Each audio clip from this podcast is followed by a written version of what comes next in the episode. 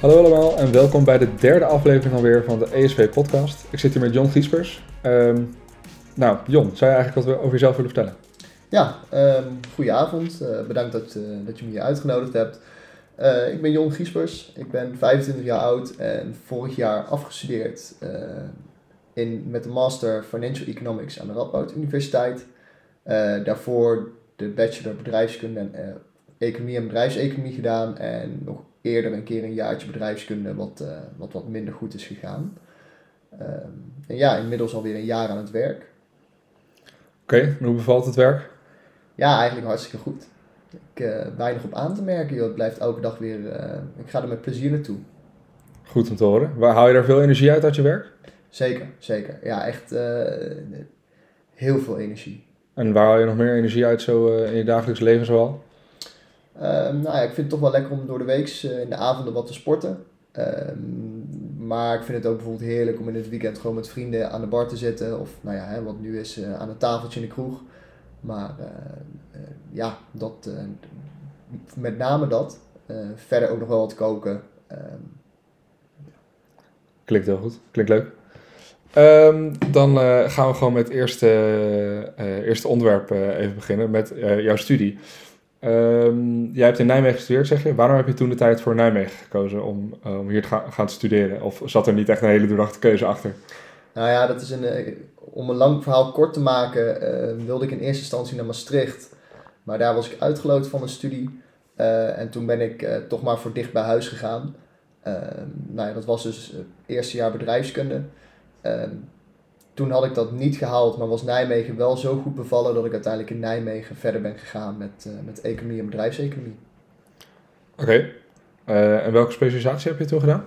in eerste instantie financial economics. Oké, je zegt in eerste instantie, want... Nou ja, financial economics. Oh, oké, oké. Dat, heb, dat heb je toen gewoon afgemaakt en daar ben je verder gegaan. Ja, ja ook uiteindelijk de master financial economics daar, daarop volgend gedaan. Ja, en uh, denk je ook dat je, als je nu erop terugkijkt, ook met wat je nu weet qua werk, dat je toen een goede keuze hebt gemaakt om in Nijmegen te gaan studeren? ja, zeker. Ik, ik, ik denk dat, dat ik me in Nijmegen heel goed heb ontwikkeld. Niet misschien altijd op studie, maar ook heel veel buitenstudie. Maar um, nou ja, zo, zoals ik zie hoe het nu gaat en wat ik eraan heb gehad. Ik denk dat uiteindelijk het belangrijkste wat je meeneemt naar je studie niet per se de inhoudelijke kennis is, maar uh, een stuk achtergrond, een stuk uh, leergierigheid en een bepaald denkniveau. Um, en wat dat betreft uh, is Nijmegen een hele goede, goede studentenstad geweest. Ja, ja dat, dat denk ik ook wel. Dat, dat blijkt toch ook vaak, nou tenminste dat weet jij denk ik beter dan ik, dat bedrijven graag ook studenten willen hebben die meer hebben gedaan dan alleen hun vak hebben gevolgd. Dat die een actief studentenleven hebben gehad en echt, wat, echt meer ontwikkeld zijn dan alleen die vakinhoudelijke kennis, toch? ja, tenminste, recruiters waarmee ik altijd gepraat heb, die, die gaven dat wel aan. Uiteindelijk weet ik niet of dat doorslaggevend is geweest in mijn sollicitatieproces. Um, maar het zal me ongetwijfeld geholpen hebben in de stappen daarna. Ja, en je zegt dus, jij hebt de, de, de, financiële kant gekozen van de studie. Wist je al snel dat je die financiële kant op wilde? Was dat ook, ging je echt met dat ook al in je achterhoofd naar Nijmegen? Of ben je daar gewoon in het eerste, tweede jaar achter gekomen? Nou, ik ben er gaandeweg achter gekomen. Um, ik wist al wel heel snel dat, uh, ja, dat, dat het internationale traject dat dat minder voor mij weggelegd gelegd was. Um, ja, dat, dat trok mij nooit zo heel erg. Het, stukje financieel is toch vanuit, vanuit huis uit altijd wat, wat meegekomen. Um, dus eigenlijk heb ik me daarop gefocust. En, en accountancy, ja, dat, dat, het had ook dermate veel overlap dat het ook niet erg was uh, als finance bijvoorbeeld niet zou bevallen in de bachelor, want dan kon ik altijd nog in de master specialiseren. Oh ja, ja. En je zegt dat heb je vanuit huis uit een beetje meegekregen, de financiële kant. Uh, kan je er nog meer over vertellen? Ja, nou mijn vader die heeft altijd wel wat, uh, is altijd bezig geweest met investeringen. En nou ja, dat, dat heeft er ook voor gezorgd dat het snel mijn interesse had gewekt. Ja, uh, dus, dus eigenlijk gewoon vooral vanwege je vaders werk en uh, wat hij daarover heeft verteld. En je... Ja, dat en uh, uiteindelijk ook een stukje zelfervaring opdoen. Ik heb een tijdje stage gelopen bijvoorbeeld met een, bij een investmentboutique. Um, zij waren echt bezig met nou ja, investeringsproposities aan de man brengen. En dat was, vond ik eigenlijk hartstikke leuk. En, en vanaf daaruit was eigenlijk voor mij ook wel zeker om, om de Master Finance te gaan doen. Oké, en dat heb je in je bachelor gedaan, die, eh, die stage? Ja, Oké, hoe, lang deed, hoe lang deed je dat? Uiteindelijk maar drie maanden. Oh, oké. Eh, Maar nou goed, daar kan je toch al veel in leren over of, of het je trekt of niet in ieder geval. ja, zeker. zeker. En wat, wat trok je daar dan zo aan toen je daarmee bezig was? Ehm, nou ja, van, met name toch wel dat je elke keer weer een, een, een andere propositie voor je krijgt. Elke keer zie je weer een, eh, een ander bedrijf, een ander initiatief. Eh, nou, in dit geval was het heel erg bezig met eh, of, of funding vragen, herfinancieringsstukken, ehm, maar soms ook een klein stukje bijvoorbeeld eh M&A-trajecten. Ehm, en eigenlijk was het zo divers dat ik dat, ja, het, het was elke keer weer een nieuwe uitdaging en dat was gewoon hartstikke leuk om te zien. Ja, dus dat, eh, de, elke, elke opdracht was zeg maar dan weer, weer heel anders. En daar leerde je ook weer nieuwe dingen in, denk ik. Ja, zeker. En hoe ging dat een beetje, was er wel een soort algemene structuur van hoe dat zijn werk, werk ging? Moest elke keer zo'n propositie doen? En hoe ging dat? Ehm, ja, nee, het hing echt heel erg af van, van wie, de, eh, eh, wie op dat moment de mankracht nodig had op de opdracht. Mhm. Eh, want je had bepaalde directors die, die waren bezig met, met een deel van. ehm, of met, ja, met eigenlijk, die waren wat meer toegespitst. Bijvoorbeeld de ene die, die hield zich meer met, met funding bezig, de andere meer met herfinancieringsvraagstukken enzovoort. Ehm, en nou ja, als ze dan hulp nodig hadden en jij zat daar, dan, nou ja, dan was het heel makkelijk om aan te haken op zo'n project. En je mocht ook alles meekijken. En ja, het, het hing er maar van, eh, ja, het hing er maar vanaf waar ze, waar ze iemand nodig hadden met Ja, ze precies. zien. Dus was gewoon een beetje vliegende keep, je kon overal een beetje helpen. Ja, en het was heel bazaal werk in eerste instantie hoor. Dus hè, een, een, een- bijvoorbeeld een inf- informatiememorandum opstellen of, of vooral even hè, wat, wat layout stukjes in de, in de rapportage maken. En, oh ja. nou ja, Maar dan krijg je wel een beetje een beeld van wat er, als je natuurlijk de layout moet maken, wat er ook allemaal in staat. En, en Ja, zeker. daar krijg je wel een beetje wel een idee van. Dat is natuurlijk wel leuk. Ehm, jij bent natuurlijk ook eh, actief geweest bij de ESV. Eh, wat, wat heb je daar allemaal gedaan in de tijd? En wa- waarom ben je daar ook actief geworden toen de tijd?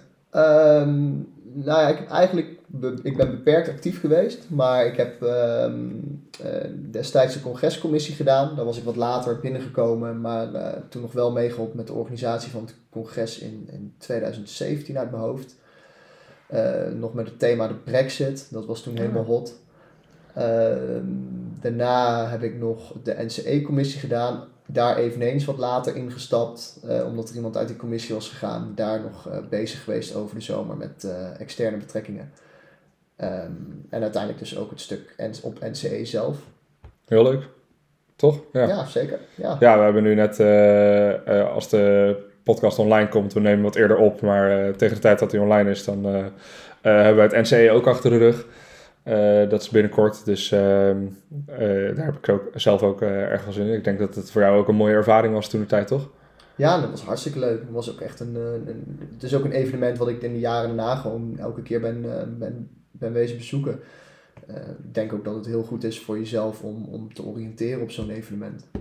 Ja, Ja. heeft, dat, heeft dat voor jou veel geholpen toen? Met, jij was natuurlijk toen al wel een beetje geïnteresseerd in finance, denk ik. Ja, nou ja, voor mij was, heeft dat eh, uiteindelijk wel eh, ehm, de interesse gewekt in, in eh, mergers en acquisitions. Ehm,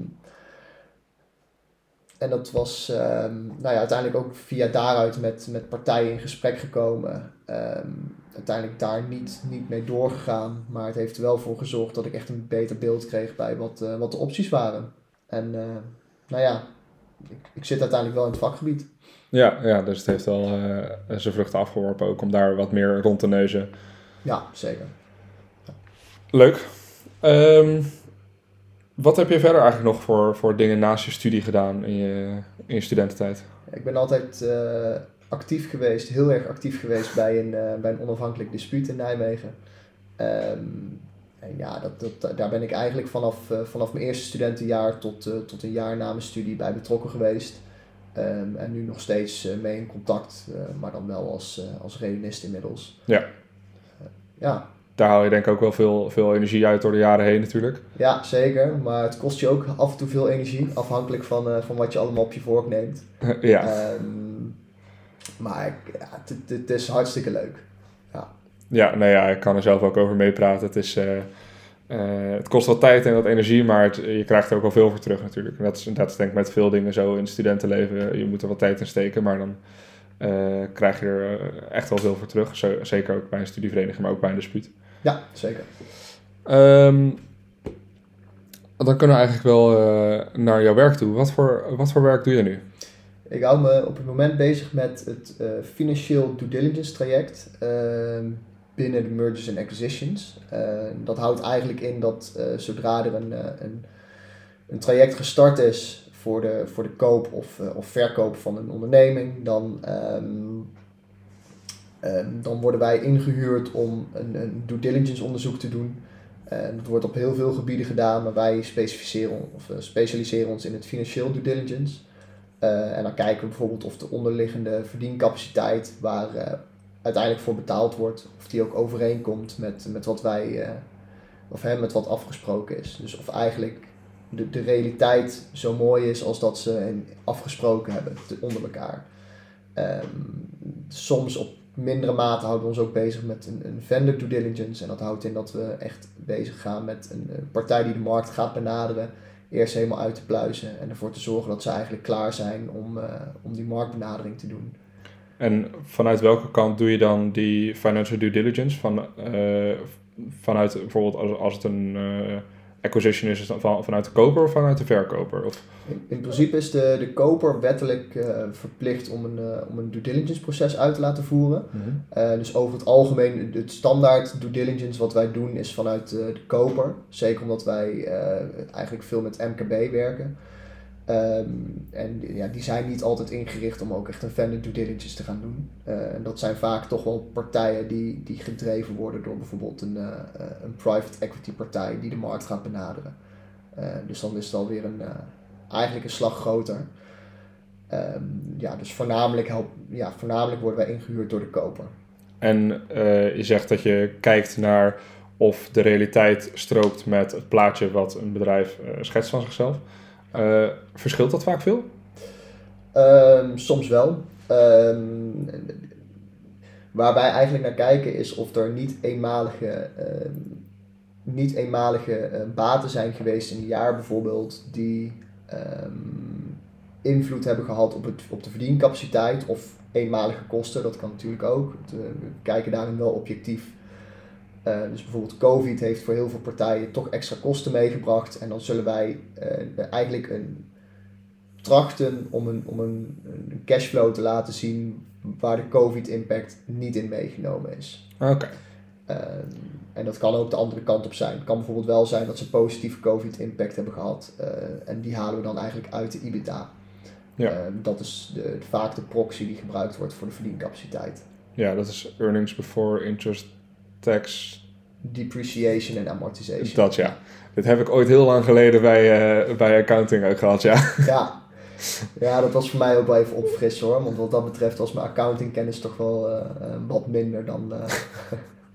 Maar je merkt dat je dat wel nu wel weer veel nodig hebt, ook je accountantkennis. Ja, zeker. zeker in het due diligence. Um, ik, ik denk dat bij, bij de, de corporate finance afdeling dat ze daar minder baat bij zouden hebben gehad. Uh, maar wij kijken wel echt een hele financiële administratie door. Um, en om die te kunnen snappen moet je ook begrijpen hoe die ingericht is. Ja. Um, dus ja, ik had daar ik had daar misschien wat meer uh, op mogen focussen als ik had geweten dat ik dit werk ging doen. Maar ja, dat is achteraf makkelijk te zeggen. Nou ja, goed. voor de mensen die nu luisteren is het misschien goed om te weten hoe dat dan toekomstig wellicht zal gaan. Ja, zeker. Ja. en um, je zegt, jullie kijken dus naar die verdiencapaciteit en dan kijken dus eigenlijk, als ik het goed begrijp, naar wat op lange termijn zonder gekke uh, omstandigheden hun verdiencapaciteit is. En zodat het bedrijf wat dat bedrijf wil kopen, daar een goed beeld van heeft. Toch? Ja, ja uiteindelijk betaal je natuurlijk voor de verdiencapaciteit van, uh, van een bedrijf. Of sterker nog, zelfs de, de cash generatie, als je echt nog een slag dieper wilt gaan. Wat is het verschil daartussen? Uh, nou, de, de, verdiencapaciteit uh, is vaak een, een, afspiegeling van de cash conversie. Alleen de cash conversie, daar zit toch nog een stap tussen. Want bijvoorbeeld um, lange termijn investeringen, of de investeringen die je moet doen, die, dat zijn wel, um, dat zorgt er wel voor dat jij uh, ja, cash uitgeeft. Maar het zijn geen kosten bijvoorbeeld. En kosten zie je niet in je winst- en verliesrekening terug. En je verdiencapaciteit wordt door je, eigenlijk door je winst- en verliesrekening in zekere zin bepaald. Um, maar dat, eh, dat is misschien iets te veel een detail treden voor nu. In- eigenlijk in de basis kijken wij of, eh, of de IBEDA overeenkomt met wat, eh, ehm, of de IBEDA overeenkomt met, met wat afgesproken is uiteindelijk in de, in de in de Letter of Intent. Mhm. Ehm, en aan die EBITDA zit vaak een multiple, wat dan de koopprijs bepaalt. Of eigenlijk de enterprise value bepaalt. En de multiple, oh, dus dat is gewoon een ver- een ver- een vermenigvuldiging van die EBITDA, dat wordt dan de Ja, bijvoorbeeld de EBITDA is 1 miljoen en je hebt een multiple van 5, dan is de enterprise value wordt geschat op 5 miljoen. Ah, zo. Eh, dus vandaar dat, dat wij eigenlijk vaak die proxy toetsen. Ja. Ah, oké. En wordt dat, wordt dat eh, door de hele sector zo vaak gedaan, weet je dat? Eh, ja, ja eigenlijk is de EBITDA multiple is, is wel een redelijk standaard eh, ehm, ja, valuations grondslag. Ehm, maar dat is eigenlijk dus een afgeleide van een heel cashflow model met eh, forecast eh, en alles erin verwerkt. Mhm. Maar zo diep in de details zitten wij dan zelf niet. Dat is al aan de voorkant afgevangen voordat wij überhaupt met ons due diligence proces beginnen. Dus die Ja. afspraken zijn er al over gemaakt. En zo'n multiple, is dat dan voor alle soort bedrijven hetzelfde? Of verschilt dat dan nog per sector? Of? Die, eh, vaak, vaak zie je dat die eh, per sector clustert. Dus ehm, bijvoorbeeld techbedrijven zullen een iets hogere multiple hebben. Ehm, Heeft dat dan terwijl- met hun groeicapaciteit te maken of zo? Eh, ja, goede vraag. Het, het, het kan liggen aan de, aan de groeicapaciteit. Ehm, ja, eigenlijk uiteindelijk ligt, heeft het allemaal te maken met, met, met de groeicapaciteit en de, de verwachte groei van een onderneming. Ja. Ja, Ja, want dat is natuurlijk uiteindelijk ook die lange termijn valuation die, waar je dan naar kijkt natuurlijk met groeivermogen. Ja. Ehm, eh, dus nu ben je vooral met die due diligence bezig. Kom je dan ook nog veel, eh, dat klinkt alsof, in ieder geval in mijn oren, alsof je dan ook nog veel in contact komt met een beetje de rechterkant ervan. De, de eh, zeg maar veel wettelijke, hoe zeg je dat? Kaders die er liggen en wetten waar je mee bezig moet zijn. Is dat zo? Nee, dat valt wel mee. Het, het, het is wel dat. ehm, ehm, nou, wat, wat we bijvoorbeeld wel vaak doen is als wij, een, ehm, als, als wij bezig zijn met een onderzoek, dan kijken we even alle, alle leningsovereenkomsten na. En af en toe zullen we echt wel wat, eh, wat leasecontracten opentrekken. Ehm, en een beetje afhankelijk van, van hoe de organisatie ingericht is, moeten we wel wat documenten doorspitten.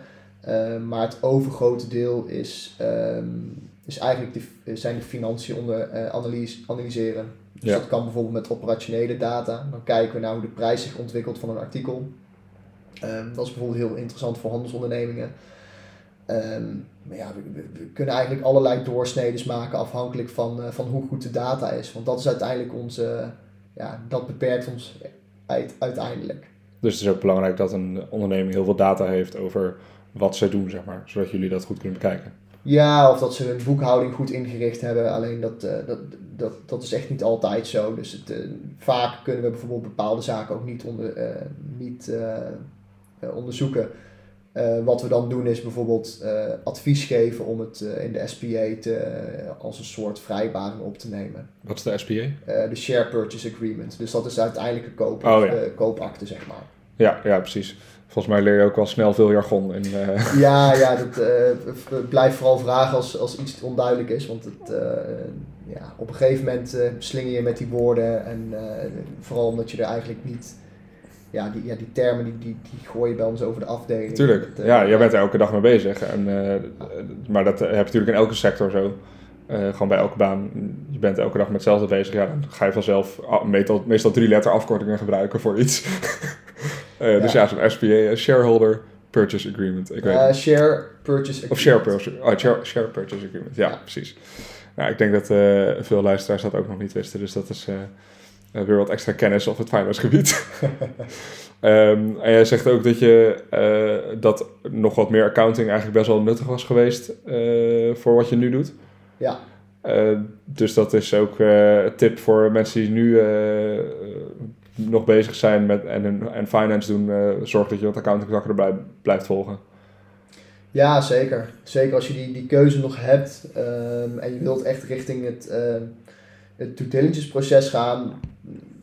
Nou ja, dan zou ik zelfs bijna zeggen dat je misschien beter richting corporate finance zou kunnen gaan kijken. Mhm. Want uiteindelijk is het meer een. eh, eigenlijk is, is het vakgebied waar ik nu in zit meer een combinatie van accountancy en ehm, corporate finance dan dat het echt op finance gericht is. Ik, ik ben heel weinig bezig met, ehm, eh, met de financiële theorie en met marktwerking en dergelijke. Want wij zijn gewoon heel erg bezig met de, de interne van administratie van een bedrijf doorspitten.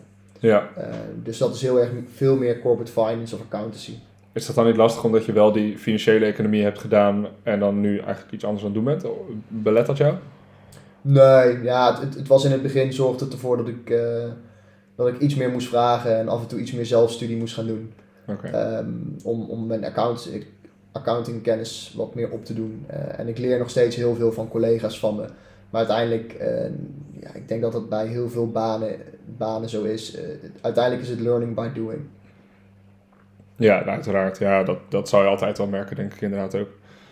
hoe lang ben je nu eigenlijk daar aan het werk? Bijna 13 maanden. Oh, Oké, ja, dus je bent, al, je bent vorig jaar gestudeerd. Ja. ja. Oké. Okay. En merk je al dat je nu dat, dat, dat, die, dat die leercurve daar stijl is, zeg maar? Of gewoon in deze functie? Ja, dus... zeker. Ik, ik, ik, denk dat ik in een jaar tijd wel heel veel kennis op heb gedaan. ja, ja, echt heel veel. Maar ik denk ook dat ik genoeg uitdaging krijg om nog veel meer te blijven leren naar de toekomst toe. Ehm, dus, uh, dus je kan nog makkelijk een paar jaar blijven zitten en elke maand wat uh, nieuwe dingen leren. Ja, zeker. Ja, kijk, elk type onderneming heeft een andere, heeft een andere ja, drijfveer, zeg maar. Dus ze hebben een andere waarde, waardedrijver achter een onderneming zitten. En, en nou ja, ik denk dat al, zolang je nog niet elk type onderneming gezien hebt, dat je überhaupt elke keer nog wat kan leren. en zelfs daarna nog. Oh, dus dat, zijn dan de ondernemingen die jij, waarvan je de due diligence doet, zeg maar. Dat je daar elke keer wat nieuws van leert, bedoel je? Ja, bijvoorbeeld een handelsonderneming is heel anders dan een, eh, dan een softwarebedrijf. Uh, en zo heb je uh, heel veel markten en heel veel sectoren die weer een net andere administratie hebben. Uh, dus daar leer je heel veel. En daarna heb je ook gewoon de standaardzaken. Ja, dat leer je ook heel veel. Ja. Zit dat, is dat per sector dan zo een beetje gespecificeerd, hoe ze, hoe ze hun administratie doen? Merk, zie je dat? Nou, het, het, is vooral dat, dat we um, dat bedrijven die bijvoorbeeld op abonnementbasis iets, iets uh, aanbieden, een andere omzetverantwoording hebben dan uh, bedrijven die uh, facturen sturen op het moment dat zij een artikel op de bus hebben gedaan. Ja. Um, en eigenlijk moet je el, elke keer doorhebben hoe die, hoe die administratie in is gericht om goed beeld te kunnen krijgen van de onderneming zelf en ook voor de mogelijke risico's die bij zo'n onderneming zitten. Ja, en dan een handelsonderneming zal gewoon, wat je zegt, facturen sturen per artikel, zeg maar. Ja. En een eh, techbedrijf zal misschien vaker iets met een abonnementsdienst doen. Ja, bijvoorbeeld een jaarabonnement. Ja. En waar uh, ben jij vaak in, uh, in bezig, van welke sector? het hangt heel erg af van, van, van wat voor opdrachten we krijgen. Dat is niet, niet dat je logischerwijs gaat specialiseren in een bepaalde sector of zo. Je blijft gewoon een beetje alles doen qua sector. Nou, ik, ik, zou mijn interesse mogen uitspreken, maar mm-hmm. ik denk zeker uh, en, mogelijk dat het wel bij wat, um, wat meer senior collega's van me speelt. Um, heb ik eigenlijk nooit naar gevraagd, maar ik denk dat het voor een junior juist ook wel goed is om alles te blijven zien. Um, Juist omdat dat, dat wel je ontwikkeling uh, alleen maar ja, verbetert. Ja, wat je zegt, je bent natuurlijk ook pas, uh, pas een jaar bezig. Maar misschien dat dan over drie jaar dat je zegt, nou, die, die techsector dat vind ik niks. Maar juist die handelsondernemingen vind ik wel heel leuk. En dan ga ik, word ik daar meer specialistisch in. Ja, nou ik zal misschien niet zeggen specialistisch, maar ik kan wel dan het, het verzoek indienen of ik iets meer van dat soort opdrachten uh, in mijn planning kan krijgen in plaats van de, de tech-opdrachten. Ja. En dat zou inderdaad ook geen, uh, geen probleem moeten zijn. Maar dan word je daar toch ook specialistischer in hoe meer je daarin doet? Of? Ja, nou, uiteindelijk wel. Ja. ja. Oké. Okay. Um, en dan als je, als je dan kijkt over uh, drie, vier, vijf jaar, wat, denk je dat je dan nog steeds uh, in, deze, in deze functie zit? Of wil je binnen je, binnen je bedrijf een, een andere functie misschien doorgroeien? Of ja, hoe zie je het voor je? Nou ja, het, het hangt, het hangt denk ik heel erg af van de kansen die, die, die langskomen. Um, maar ook de uitdaging die, die ik kan blijven krijgen. En ik heb bijvoorbeeld laatst wel aangegeven bij, um, uh, bij de organisatie dat ik um, niet alleen maar due diligence wil blijven draaien, maar dat ik het misschien wel leuk vind om in ieder geval een keer een corporate finance traject mee te kijken. Uh, dat is dus een stuk of verkoop of aankoopondersteuning. Ehm, en die mogelijkheid die is er ook. eh, en afhankelijk van wanneer het in de planning inpast, eh, zal, dat ook, eh, zal dat ook ingepland worden. Ehm, dus ja, zolang ik dat soort dingen kan blijven aangeven en zolang ik mijn eigen eh, kan blijven uitdagen, ehm, nou ja, dan, dan zie ik mezelf wel doorgroeien binnen deze organisatie. Eh, maar zoals ik al zei, het, het hangt heel erg af van, eh, van, van wat de toekomst brengt. Ja, en zou dat, dat eh, die corporate finance, zou dat dan ook meer aansluiten op, op je, je masterrichting als, en wat je daarin hebt gehad? Of maakt dat je ook weer niet zoveel uit? Denk je ook gewoon, ik ben nu lekker bezig en ik wil wel wat meer van dat, maar niet, hoef niet per se waar ik specifiek mijn master op heb gedaan, daarin, eh, daarin uiteindelijk te werken? Nee, ja, kijk, het, het, wat ik nu doe is, eh, heeft, heeft een stukje raakvlak van, ehm, eh, ja, mergers en acquisitions heeft natuurlijk een raakvlak van corporate finance, accounting, in de, in de zin van het due diligence. Maar je zou ook kunnen zeggen dat het toch een stukje finance heeft, omdat je bezig bent met investeringsproposities. Ja. Ehm, alleen ben ik nu niet degene die die proposities eh, bedenkt en uitzoekt, maar ik ben degene die eigenlijk de, hun onderliggende eh, assumpties toetst.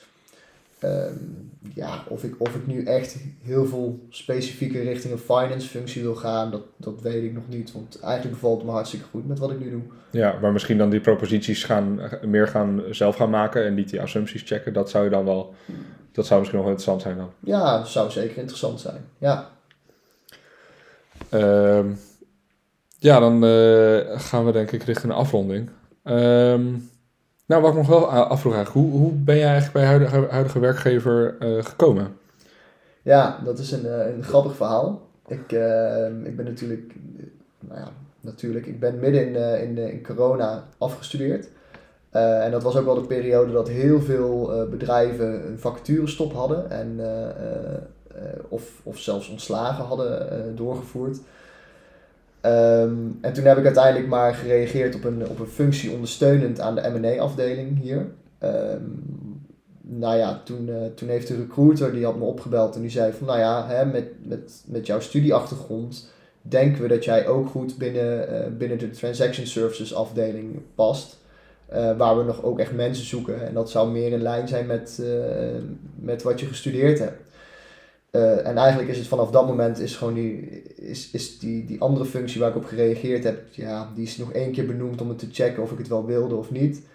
Ehm, eh, maar eigenlijk daarna is de hele sollicitatieprocedure ingericht op, ehm, op de functie die ik nu doe. Dus dat, eh, dat is eigenlijk heel erg geluk bij, ja, heel erg veel geluk geweest. Ja, nou wel prettig dat ze ook daar flexibel in waren dan toch? Ja, dat ze, zeker. en dat ze echt goed naar jouw cv keken en zeggen, hey, dit, dit past misschien meer bij jou. Ja, zeker. Ja, daar ben ik nog steeds hartstikke blij mee. Want ik had in eerste instantie de hoop van, nou ja, of ik heb in ieder geval iets, of ik, eh, of ik groei misschien door binnen de afdeling, maar dat moet ik voor mezelf even zien. Eh, en ik had nooit verwacht dat dit zo snel zou gaan, dus daar ben ik, eh, ben, ja, ben ik hartstikke blij mee. Ja, nou, groen te horen. En dan over vijf jaar ben je misschien die, die proposities aan het schrijven en dan... Wie weet. Wie weet. Leuk. Hey, ehm, eh, bedankt voor dat ik met jou deze podcast op mocht nemen. Ik vond het leuk. En ik hoop dat mensen er, eh, zeker die geïnteresseerd zijn in finance, eh, ook wat van geleerd hebben. Ehm, ja, dankjewel. Ja, graag gedaan. En eh, mochten er nog een keer vervolgvragen komen, dan, dan sta ik er altijd voor open. Dus, Ik zal ze zeker naar je doorsturen. Top. Oké, dankjewel. En jullie bedankt voor het luisteren natuurlijk. Dit was zoals ik heb gezegd de derde aflevering alweer. Ehm, en zoals gezegd hadden we dit keer dus een alumnus aan de podcasttafel. En de volgende keer zal er eh, weer een docent aanschuiven. En dan horen jullie over een maandje weer van ons. Joep!